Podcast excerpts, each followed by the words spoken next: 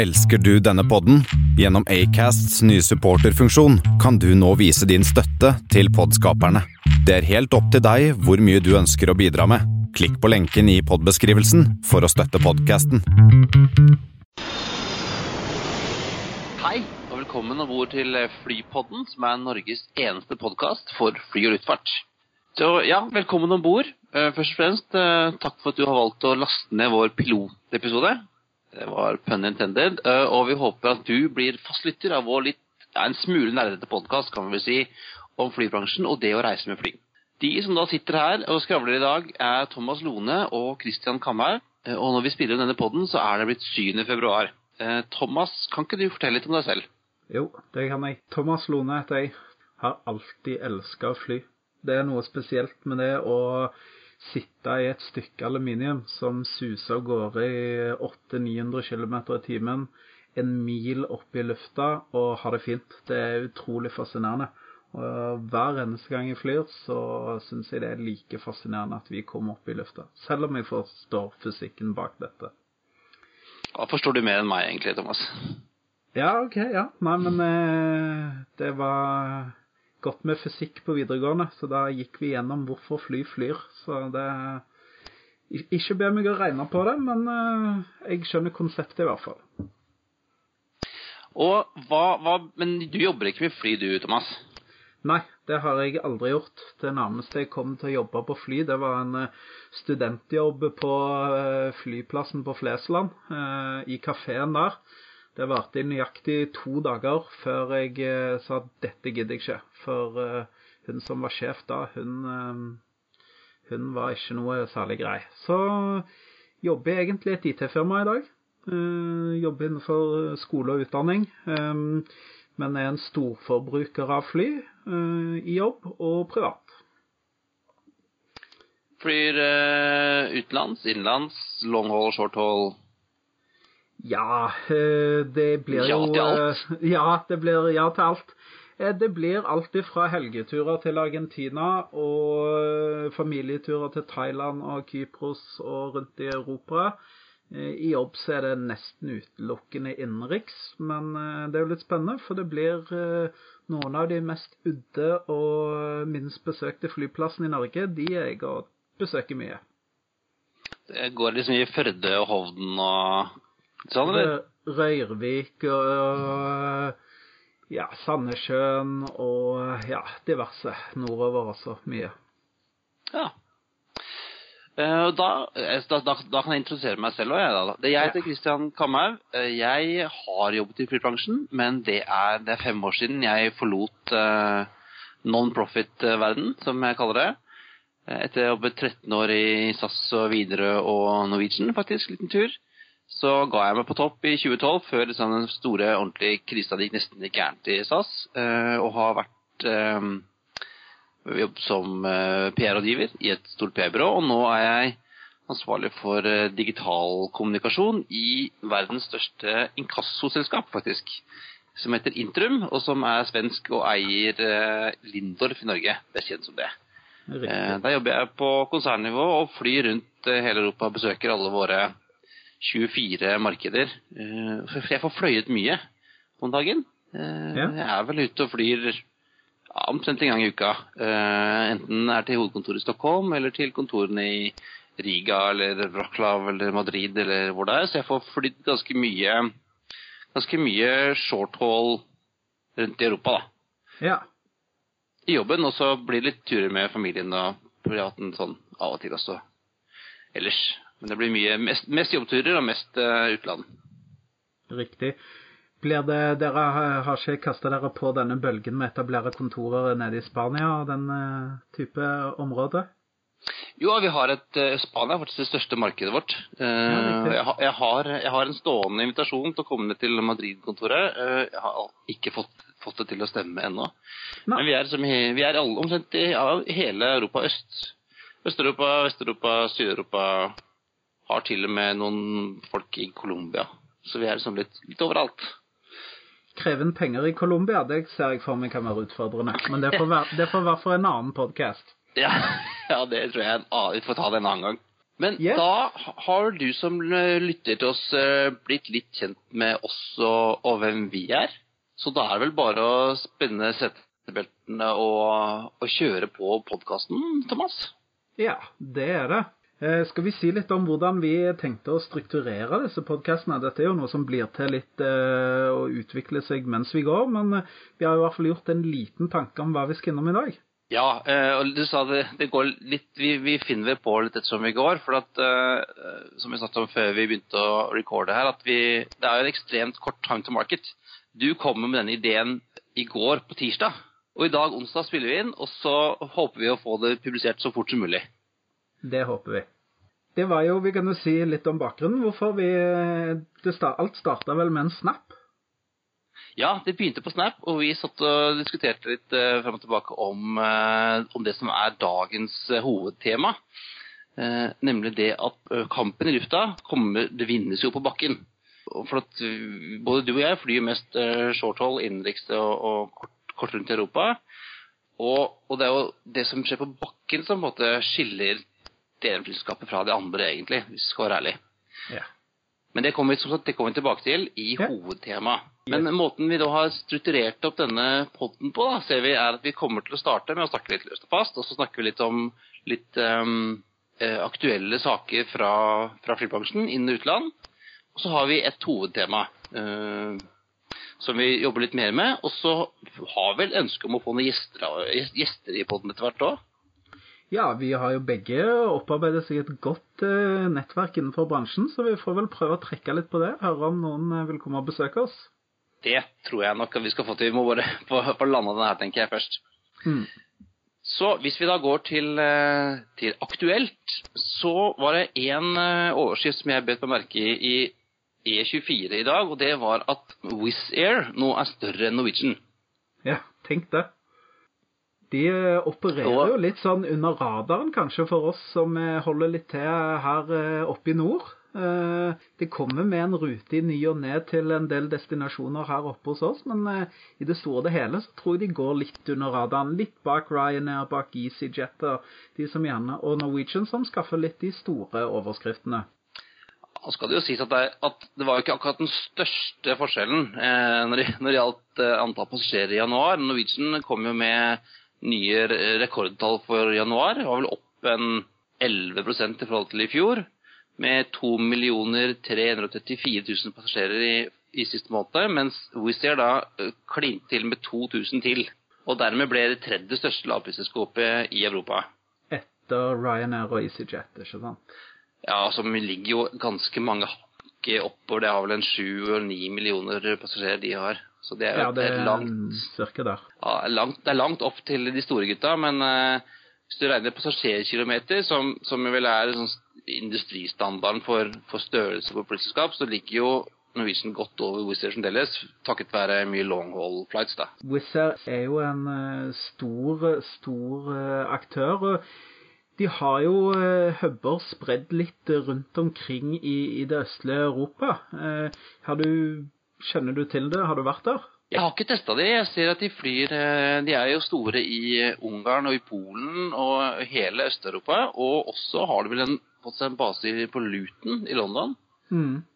Eh, og jeg ser de Mye av rutene fra Norge er jo type Polen, Litauen, eh, den type steder. da, Som eh, riktignok jeg flyr til av og til i jobben, men jeg har ennå ikke, har ikke passet sånn med Wizz Air. Og som du sier, at Wizz Air er jo liksom litt, havnet litt under radaren. Og de er jo Altså, jeg, jeg måtte jo sjekke dem litt nå før, um, før podden, og de hadde en, en økning i, i januar i fjor på 24, eh, i år, på 24 eh, Og det er jo januar, som er kanskje den dårligste måneden i hele året, så er det ganske imponerende hvilken, hvilken fart de har i veksten sin. Og de har jo, ligger jo inne med bestillinger på en 280 Airbus A320 og A321 Neo.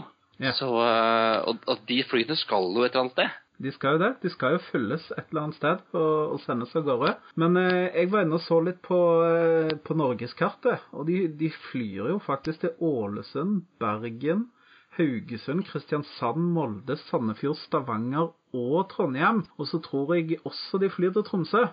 Så det er jo klart at uh, de tar jo sin bit av det norske markedet. Ja, og det er jo først og fremst østover. Så jeg tror at uh, spør, spør, du uh, en, en, polsk kollega eller en fra Baltikum, så er, de kjenner til Wizz Air mye bedre enn en vi gjør, altså. Tror du de har en markedsføringsjobb å, å, gjøre i Norge, eller tror man at folk bare kjøper billettene så lenge de er billige nok? Jeg tror de må jobbe litt med å finne Med liksom å komme litt på kartet, altså. Uh, jeg har sett, jeg har ikke sett I Oslo har jeg ikke sett noen ting, men det flyr jo ikke så mye fra, fra Torp, da. Men uh, de tror nok de må jobbe litt med å, å bli synlige. For at norske flypassasjerer, for de beste, er jo De er jo late late, litt late. De er vant til at det finnes to selskaper å, å kjøpe hos. Det er Norwegian og, og SAS, liksom. Mm. Eh, og jeg tror de må jobbe litt for å finne Jeg tror, tror Det virker som de har ganske godt eh, grep om, om eh, østeuropeere som bor og jobber i Norge, men for nordmenn tror jeg det kan være litt De må jobbe litt altså, med å, å komme litt opp på radaren. Ja, der eh, har en, har en bekjent som jobber på Torp, og han sier at uh, Wizz Air er fantastisk gode på å trekke denne lokalpassasjerene fra disse landene. Ja, og, og de, de, selger jo ikke gjennom reisebyråer heller, og, og, og, vanskelig å få hvis du går på type Momondo og den type selskaper, så finner du heller ikke Wizz der. Så de må nok ja. jobbe litt med med å bli litt, syn, litt, mer synlige hvis de skal uh, fortsette den veksttakten der inn i Norge òg, altså. Det er jo litt interessant. De har jo faktisk noen destinasjoner utenfor for Europa også.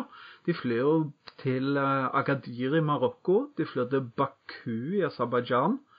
Eh, de har faktisk to eh, ruter til Israel. En til Kasakhstan og en til Dubai. Så, så de, de, er jo snuse på litt utenfor Europa òg, så det, det, skal bli spennende å følge med. Kanskje med, med at de har så mange eh, A321 Neoer i bestilling, så kan det jo være at uh, man f.eks. kan se oversjøiske destinasjoner, f.eks. fra Luton. Kanskje. Ja, og ikke minst så er det altså, De er jo Største hjemmebasen deres er jo Budapest. Eh, mm. Og de fikk jo en ordentlig flying start etter at Malev gikk på ræva for noen år siden. Ja. Og der finnes det jo ingen der, der, er det burde være mulighet for å kjøre noe longhold. Altså Ungarn er et stort land, masse mennesker. Det burde jo ikke være mulig for Wizz Air å kjøre ja, USA eller Asia også med når de får 321, og kanskje til og med går for den 321 LR-versjonen, som kan fly langt.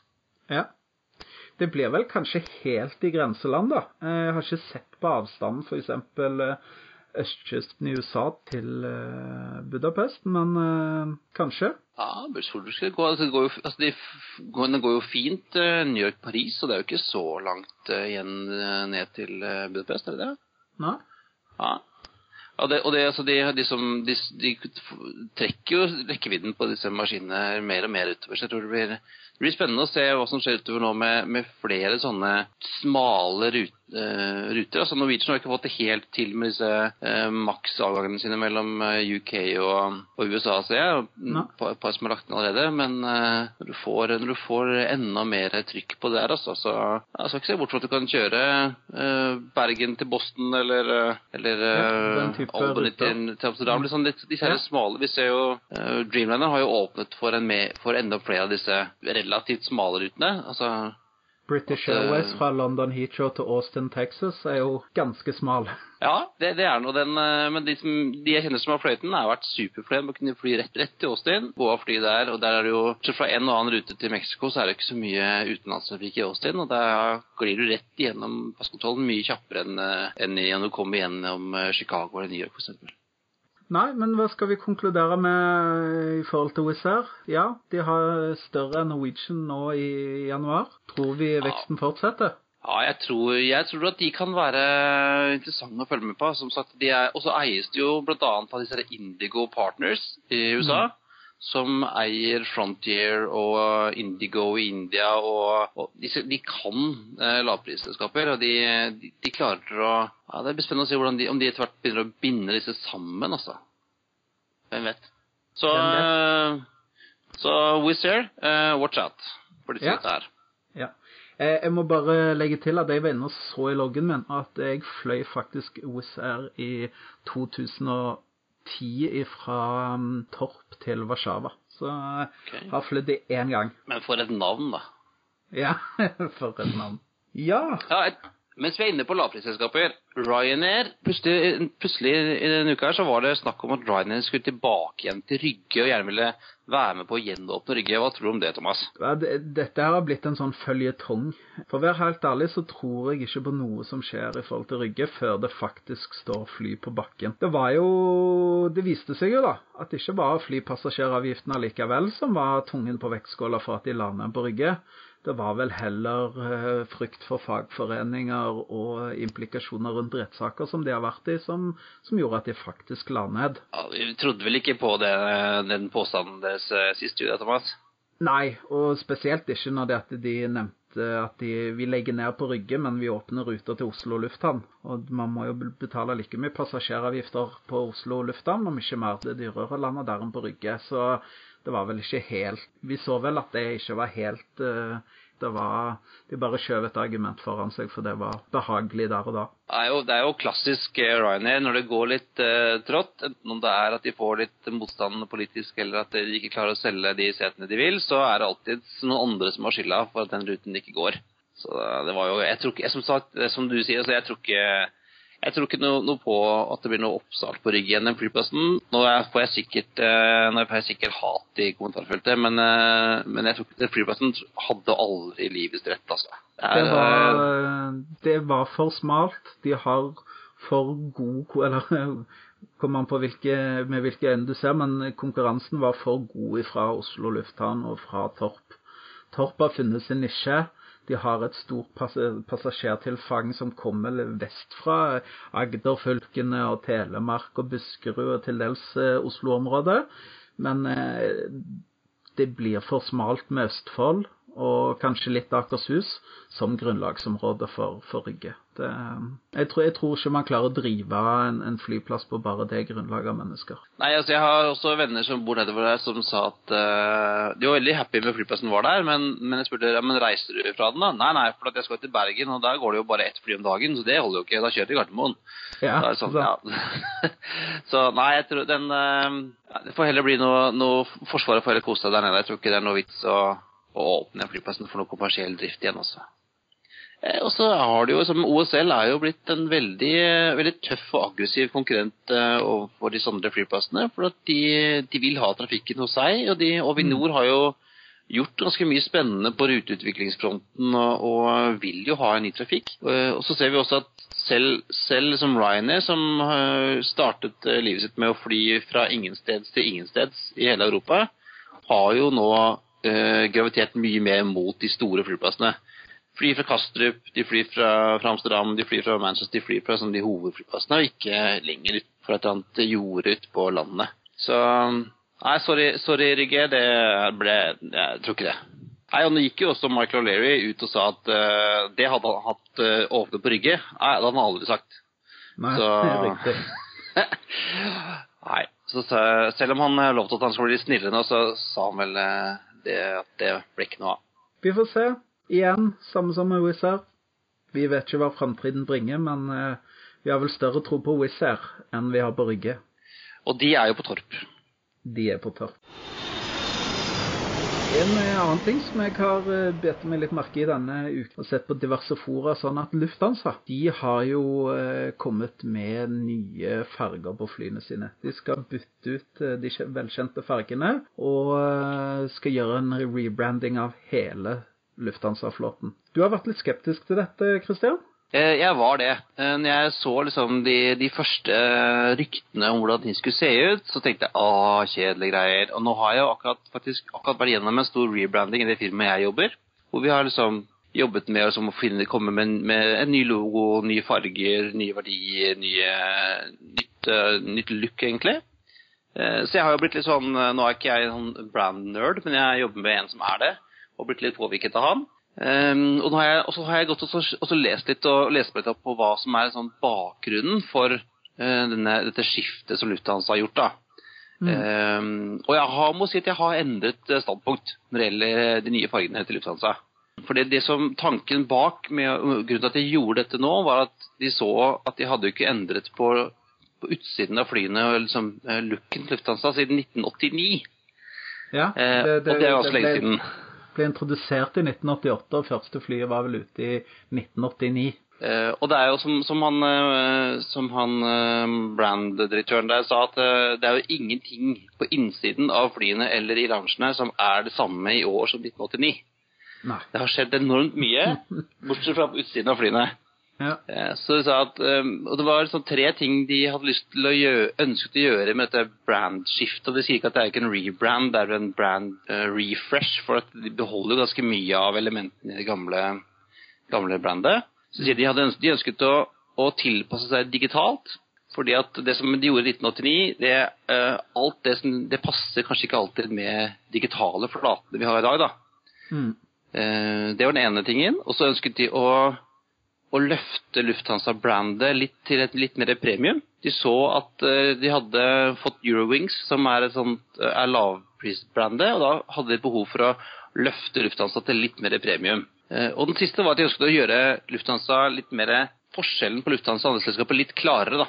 Eh, og da så de på de ja, og jeg, jeg, tenker jo det at uh, når jeg har sett det nye, nye designet til flyene, så, så, så, er det noe som slår meg. Jeg syns det virker elegant. Uh, om jeg skal si eksklusivt, det vet jeg ikke, men eh, jeg syns det er fine linjer. og jeg liker veldig godt Eh, den nye halefinnen til, til, Lufthansa at den fortsetter ned i flykroppen sånn fargemessig.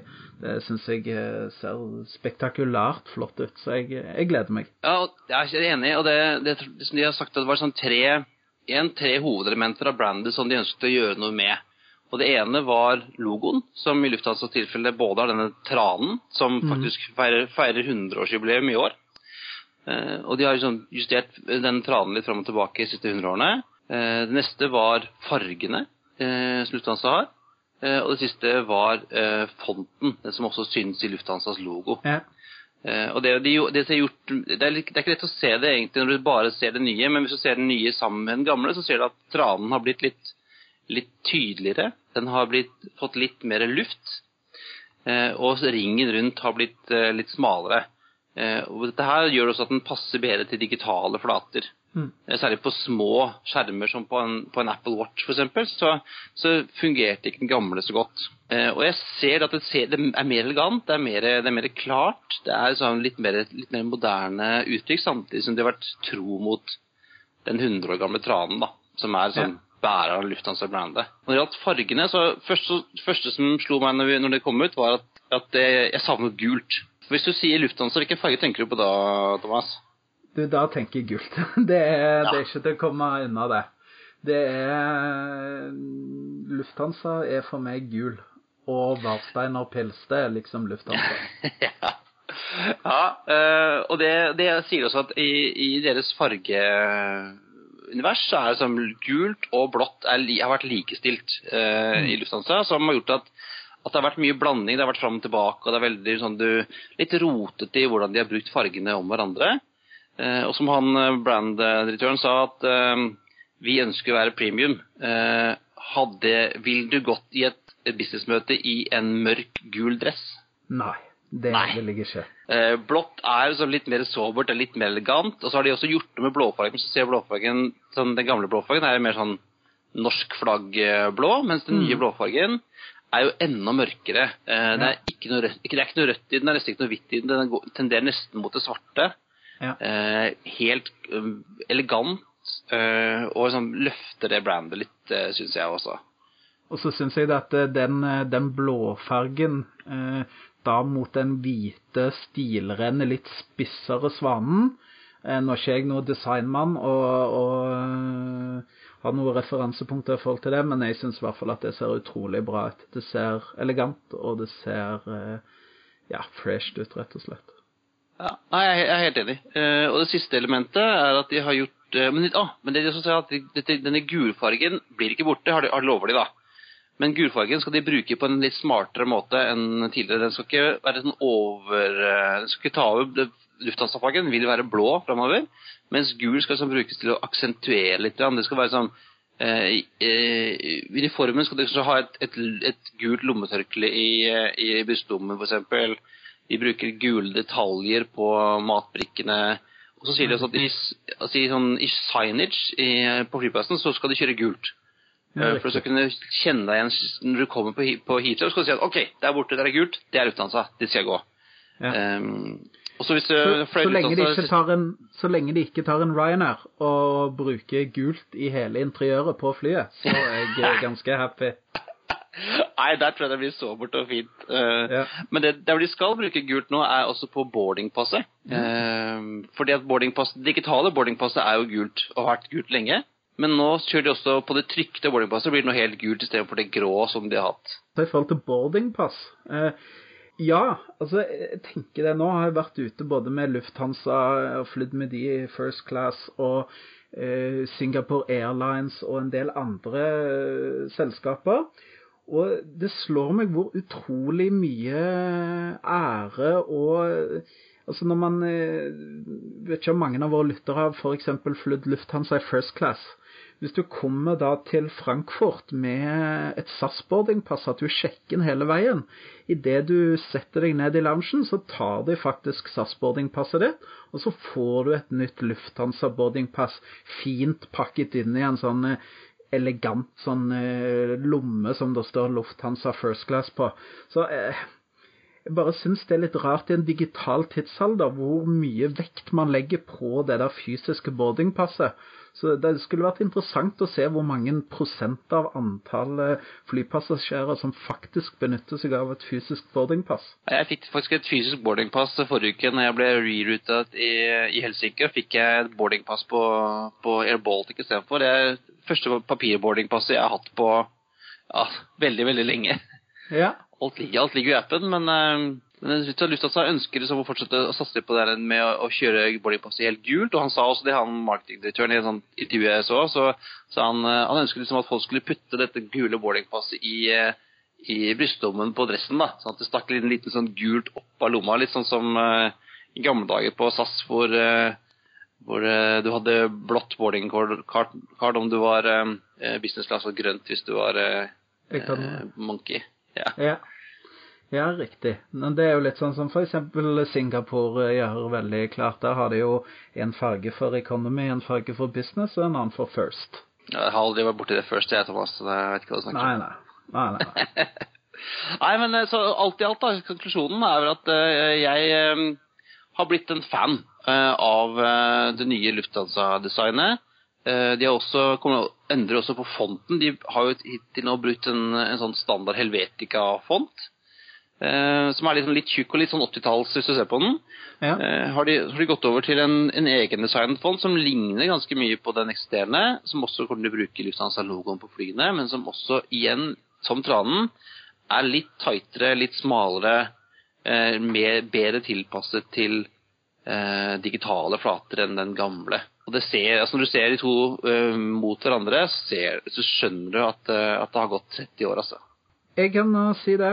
For meg, det var aldri noen motstand. Eh, Jeg så de nye fargene med en gang, og likte de veldig godt. Så jeg gleder meg til neste gang jeg skal ut og fly i Lufthansa. Håper jeg får et fly som er malt i den nye fargen. Det blir bra. Det vel, nå har det vel bare én 7478, og så har det vel en eh, A321 og en A350 på vei, tror jeg. Ja, jeg så ikke noen bilder av en A350 i Hamburg som eh, hadde de nye fargene. Så Ja, det, går nok litt, det- det går nok litt tid før hele flåten er, er rebranda. Ja, det gjør det jo alltid. Og eh, som de har sagt, Lufthansa, at de skal jo ikke bruke ekstra penger på å male om. De kommer til å kjøre gjennom vanlig vedlikeholdsskjema, så det tar vel en det tar noen år da, før hele, alle de gule tranene på, i Frankfurt er blitt uh, hvite. Da tenkte jeg, altså Når vi snakket innledningsvis her, så snakket du om at du ser en parallell mellom Lufthansa og Volkswagen. Eh, og så tenkte jeg ja vel. Men eh, nå når jeg har tenkt litt på det, så ja. Der er det absolutt en parallell. Eh, vil du forklare litt? Hva, hva er det du tenker der, Christian? Jo, eh, Lufthansa eh, og, og Volkswagen er begge to sånne eh, som vi kaller for House of Brands, som er en gruppe med mange forskjellige merkevarer som både tilpasser seg kundegruppene sine litt. Da. Du, altså, du har de forskjellige brands etter alt etter hva du vil eh, kjøpe. Og jeg så, jeg så liksom her, en likhet mellom de to gruppene litt. at Hvis du ser på Lufthansa Group, eller Lufthansa selskap, Lufthansa, så er det litt som Volkswagen. Eh, det funker, alle liker det, mer eller mindre. Det fins alltid en Volkswagen eller en Lufthansa som passer for deg. Eh, det er sånn stort, det er stort og kjent, og det, det funker. Det er, men, men, eh, nå har ikke jeg fløyet ut Lufthansa first, som deg, da, Thomas. Men mm. jeg syns at Lufthansa det virker, og det er ålreit. Men jeg blir jo ikke noe sånn Jeg blir ikke helt ekstase av å fly Lufthansa om jeg flyr uh, economy eller business, både short og long hold. Det er sånn ja, det var greit, liksom. Det er liksom blitt sånn plain vanilla. Ja, ble, du, du, får liksom ikke sånn eh, Air New Zealand som eh, skal være fresh freshe og kule og lage disse utrolig morsomme sikkerhetsvideoene og involvere Ja, du, du ser det i uniformen, og det er litt sånn fargesprakende lufthansa. Det er, det er sikkert som en klokke. Det er traust, men det virker. Og det er kanskje litt kjedelig. Ja, det er som å fly Lufthansa til eh, Madrid. Det er jo som å kjøre Passat. Det kommer, du kommer fram, og det er trygt og alt sånn, men det er sånn, så innmari spennende er det ikke. Eh, og hvis du ser liksom Lufthansa-gruppen, da, så har du kanskje Swiss, Swiss som er litt mer high end. Det er litt mer elegant, det er litt, mer, det er litt kulere. Det er litt uh, mer premium. Jeg tenker at Swiss er liksom Lufthansa-gruppens uh, Audi, da. Det, det, var det jeg tenkte, altså. Det er den litt mer sånn fasjonable storebroren, men på ingen måte uoverkommelig å, å, å, kjøpe en Audi, på samme måte som det ikke er uoverkommelig å, å fly Swiss.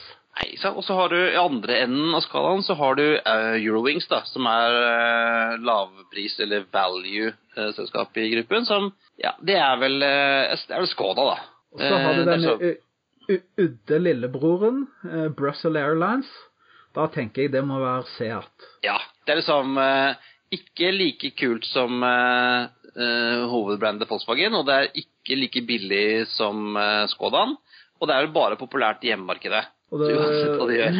ja, så det men, men, jeg tenker det er jo én ting da, som, som jeg tenker som, som, skiller litt ut her. Det er jo det at det er Eh, for det første så nevnte jo ikke Austrian Airlines eh, hvor vi skal plassere de. Det er jo også en del av Lufthansa-paraplyen. Men jeg tenker at det er jo også et geografisk element her i, eh, i disse her flyselskapene. Altså Swiss i Sveits, Austrian i Østerrike, Brussels i Belgia osv. Og så er det jo slik at kanskje spesielt Brussels, Brussels Airlines og Austrian har jo funnet seg noen nisjer i markedet som er ikke dekket av de andre i, i brandsene i, i Lufthansa-paraplyen.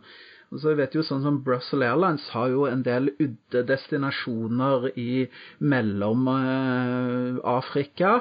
Eh, som, som, de er alene om å fly til. Så det, så det er jo de, de, har funnet hver sin nisje, litt sånn, tenker jeg da. Jo, og så tenker jeg altså, Du har som sagt det der, de geografiske forskjellene. Sånn som i gamle dager, da. For uh, noen år siden så var det jo Alitalia var Italia, og så hadde du Mali i Ungarn, og så hadde du Iberia i Spania.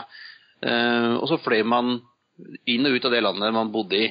Nå har de jo selskaper som Ryanair og EasyJet og Lufthansa og til og med SAS etter hvert som opererer ut fra land som ikke er hjemmemarkedet deres. Og da tenker jeg at disse merkevarene som, som Lufthansa og KLM Air France og, og, og BA og Vueling og hva det heter, og de alle sammen, så har ikke det samme geografiske hjemmetilhørigheten som før. da. Eh, jeg kunne godt ha fløyet Lufthansa mellom Oslo og Bergen, hadde ikke vært noe problem for meg. Eh, og jeg tror liksom at de, her, de småbrandsene som, som Austrian og Brussels kanskje særlig, da, som ikke helt finner hva de skal være, tror jeg ikke, ikke er liv laga. Og nå sier jo, det så vi også denne uken her, så gikk jo Lufthansa ut og, og ryddet opp i ledelsen i, i Brussels Airlines og, mm. og, sa opp uh, sjefen han Bernard Gustin og CFO-en Jean de Remarquer, som begge forsvinner ut. Og så erstattes de med Lufthansa-folk.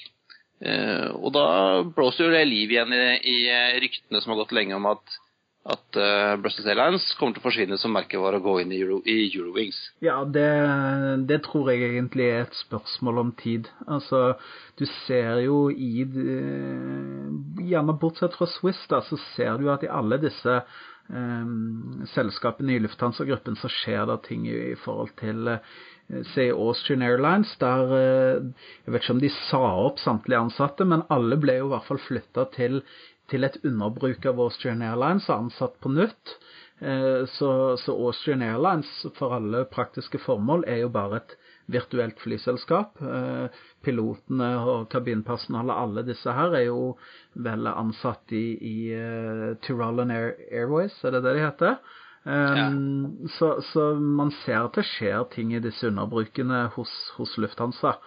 Uh, der så gjerne jeg føler jeg har sett at det har skjedd minst ting, det er jo da i Swiss som egentlig går litt motsatt vei. De kjøper jo nye langdistansemaskiner og eh, har pussa litt på logo og eh, brusha opp eh, loungene sine og, og satser litt. Mens de andre flyselskapene er litt mer sånn Ja, hva skjer her egentlig? Det virker litt sånn halvveis satsing, da. Ja, men det er jo litt, litt tilbake til den Volkswagen-sammenligningen. at det er jo, Dette er jo Audien. Det er jo dette premiumsepentet som også Lufthansa ønsker å gå opp i. da. Så ja, jeg, jeg, tror at uh, altså Swiss kanskje har muligheten, i og med at de er sveitsiske og det har et sånt kvalitetsstempel også helt fra, tilbake fra Swiss-dagene, så, så, tror jeg nok at, at, det kan leve videre som et, et eget brand. Kanskje til vi kan se Swiss begynne å fly mellom an, ut, utenom Sveits, til og med? Ja, det, det, det, skal man ikke se bort ifra.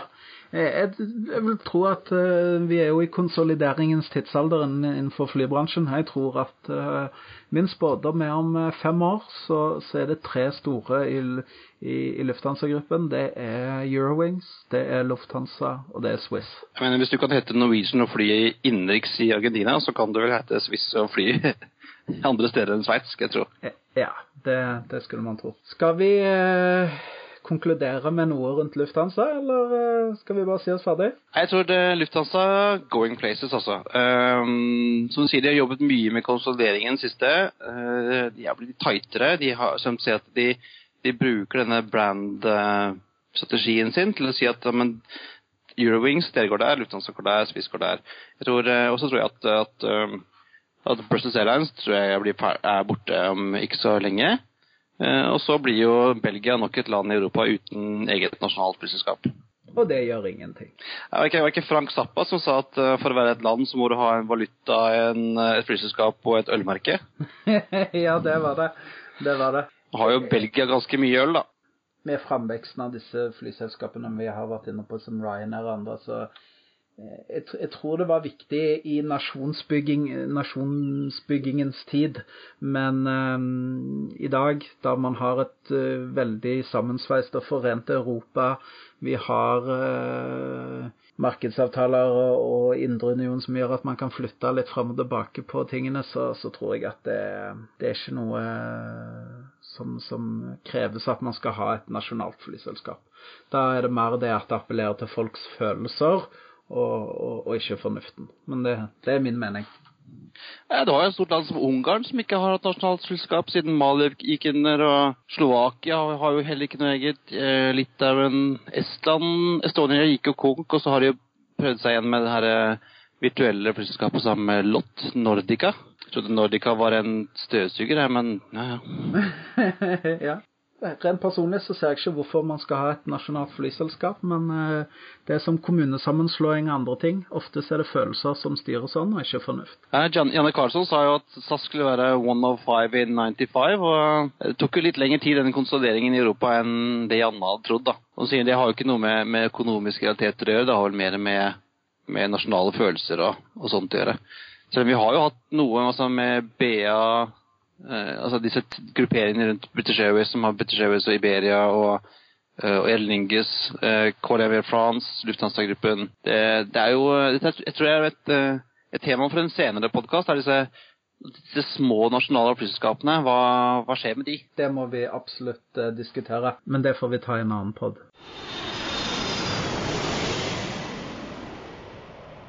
Dagens hovedtema, det som egentlig fikk fikk oss til å starte tankene på denne poden, var jo det med at vi, vi, vi som flere mye innser at, at uh, kampen om passasjerene i lufta de vinnes jo på bakken. Hva legger vi i det, Thomas?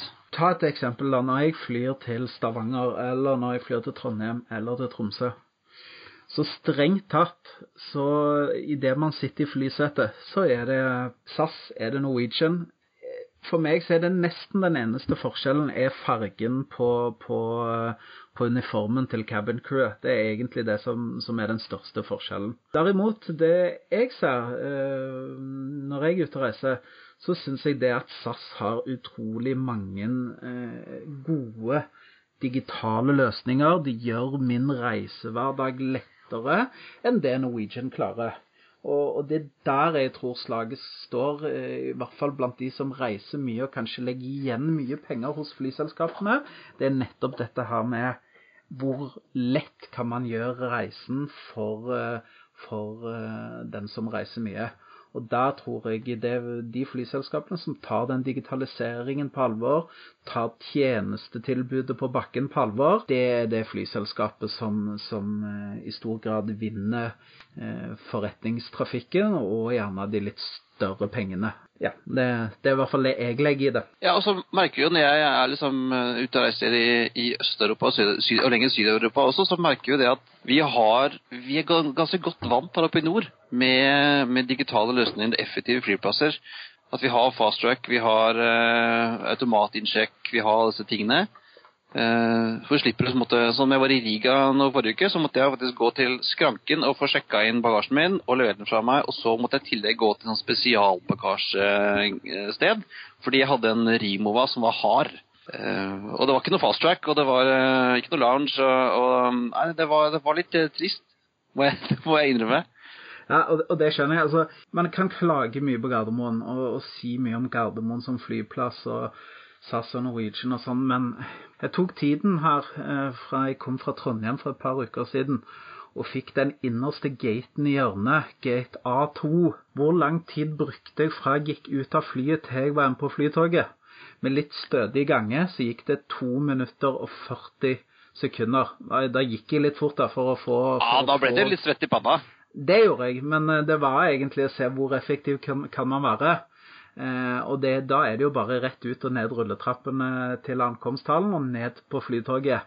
Og det er få andre flyplasser i verden av Gardermoens størrelse der du kan være inne i kollektivtrafikken eh, ok, si fem minutter da, etter at du har gått ut av flyet.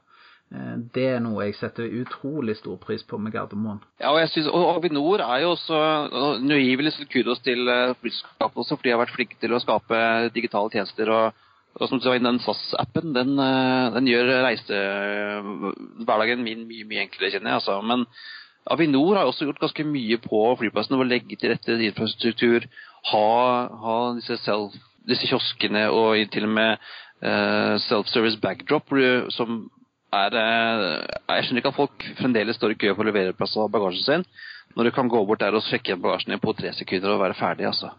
Jeg tror det er gammel vane, rett og slett. Ja, jeg husker jeg måtte, jeg måtte For en sånn ti år siden så måtte jeg hjelpe svigermor til å bruke, bruke, tomaten første gang. Eh, og det var sånn, Hun hadde ikke gjort det før, og så måtte noen måtte stå og holde henne litt i hånda og vise henne. Eh, og nå eh, gjør hun bare det. For at eh, ikke vits å stå i kø for å, for å sjekke en bagasje i 2018, liksom. Nei, og da, da, tenker jeg at du, det er ditt mål for, for 2018, Kristian. Det må være at du står og holder henne i hånda og sender av gårde bagasjen. Det tenker jeg er det naturlige neste steget. Ja, det får bli neste. Uh, Self-service backdrop må bli neste, altså. Uh, du nevnte SAS-appen. Den bruker jeg mye. Uh, men jeg, jeg, tenker selv der så Nå, nå sier jo f.eks. når du lander på flyplassen, så sier SAS-appen at ja, neste flytog til Oslo går om så og så kort tid. Jeg tenker også, de burde jo, SAS burde tenkt på å selge flytogbilletter gjennom appen. Si nei. Ja, det er enig, for jeg, nå må jeg som opp og ta opp uh, flytogappen, og så må jeg kjøpe billett der. Men ja. hadde jeg bare sett uh, sveip litt sånn uh, Vipps-aktig, bare sveipe ja for å kjøpe billett, så hadde jeg gjort det. Ja. Kanskje til og med hadde tjent en krone eller tre. da. Helt sant. Så, så jeg, jeg, tror uh, hvis det er noen i SAS uh, som jobber med app og jobber med digitalisering og finner smarte løsninger, tenker jeg flytogbillett gjennom SAS-appen, det er veien å gå. Ja, for det er et som Jeg er inne på at vi eh, Altså, flyselskapene har vært flinke til å, å gjøre reisen vår enklere før vi går om bord i flyet. Vi har eh, fast track, vi har, eh, har self-check, vi har eh, lounge, vi har alt, og vi har priority boarding hvis vi har gullkort sånn som det er meg.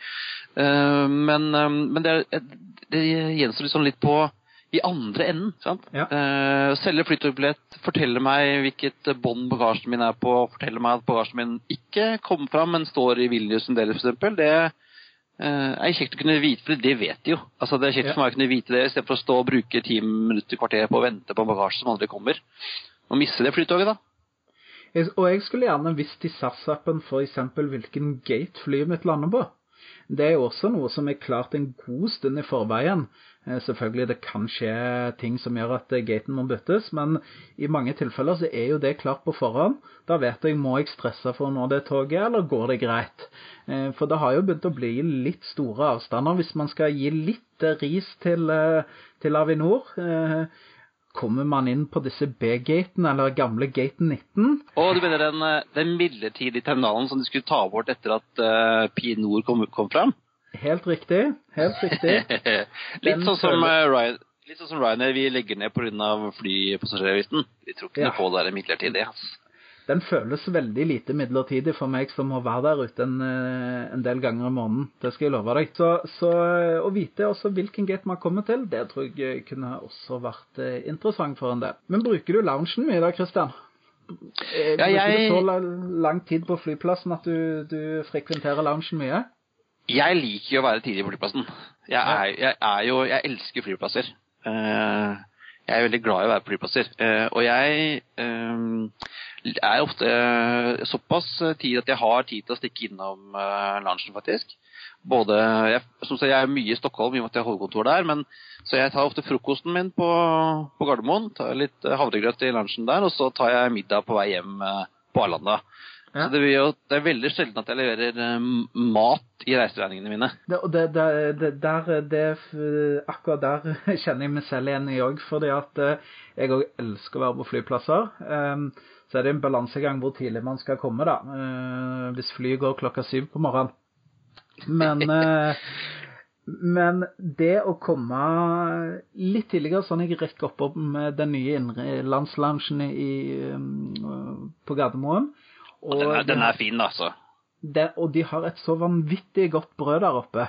Så det brødet og øh, med noe godt sånn økologisk smør, skinke, ost øh, og- et stort glass med melk, det er en perfekt start på, på reisedagen for meg, altså. Ja, det er bra. Nei, så Jeg tror vi kan konkludere da med at uh, gjør eh, reisen eh, enkel på bakken. For at oppe i lufta så er det jo der er det jo ikke så mye å hente lenger når du flyr eh, på kort. altså. Det er, om du kan få en bolle på Lufthansa eller en kopp te på SAS og et smil på Norwegian, det er vel det du får. Det er stort sett det, ja. Så, så, så jeg er enig, altså.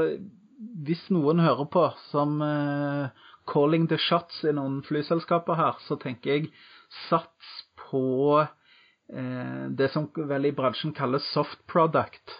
Eh, Det er disse gode tjenestene rundt flypassasjeren ifra man kommer inn på flyplassen til man er ute igjen eh, av flyplassen på sin destinasjon. Eh, De flyselskapene som klarer å levere gode tjenester der, de får mine penger, i hvert fall så lenge jeg kan bestemme over dem. Eller, eller bedriftens penger, da. Jo, jo. In, innforstått bedriftens penger. Men jeg reiser jo litt privat òg, da.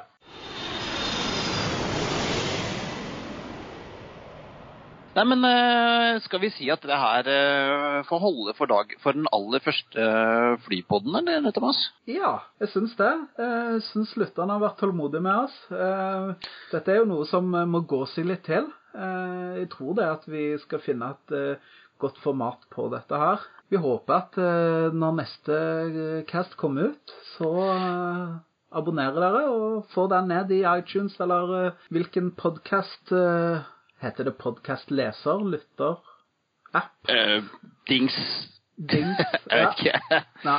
Eh, og så fins vi jo selvfølgelig på Facebook. Det er bare å søke oss opp på Flypodden der. Og så har vi en nettside som heter flypodden.no. Og der uh, har vi også en mail som heter hallo at flypodden.no. Der kan du kjefte på oss. Du kan gi oss ros, ris, forslag til uh, tema som vi skal ta opp. Og hvis du, hvis du jobber i bransjen eller har, uh, har noe innsikt, innsikt, så kan du godt uh, kontakte oss og kanskje bli med som gjest også. Det kan du. På gjensyn, eller på gjenhør til neste gang. Ja, og så får vi, Da er det bare å feste, ta av setebeltene og ikke glem håndbagasjen. Boarding completed.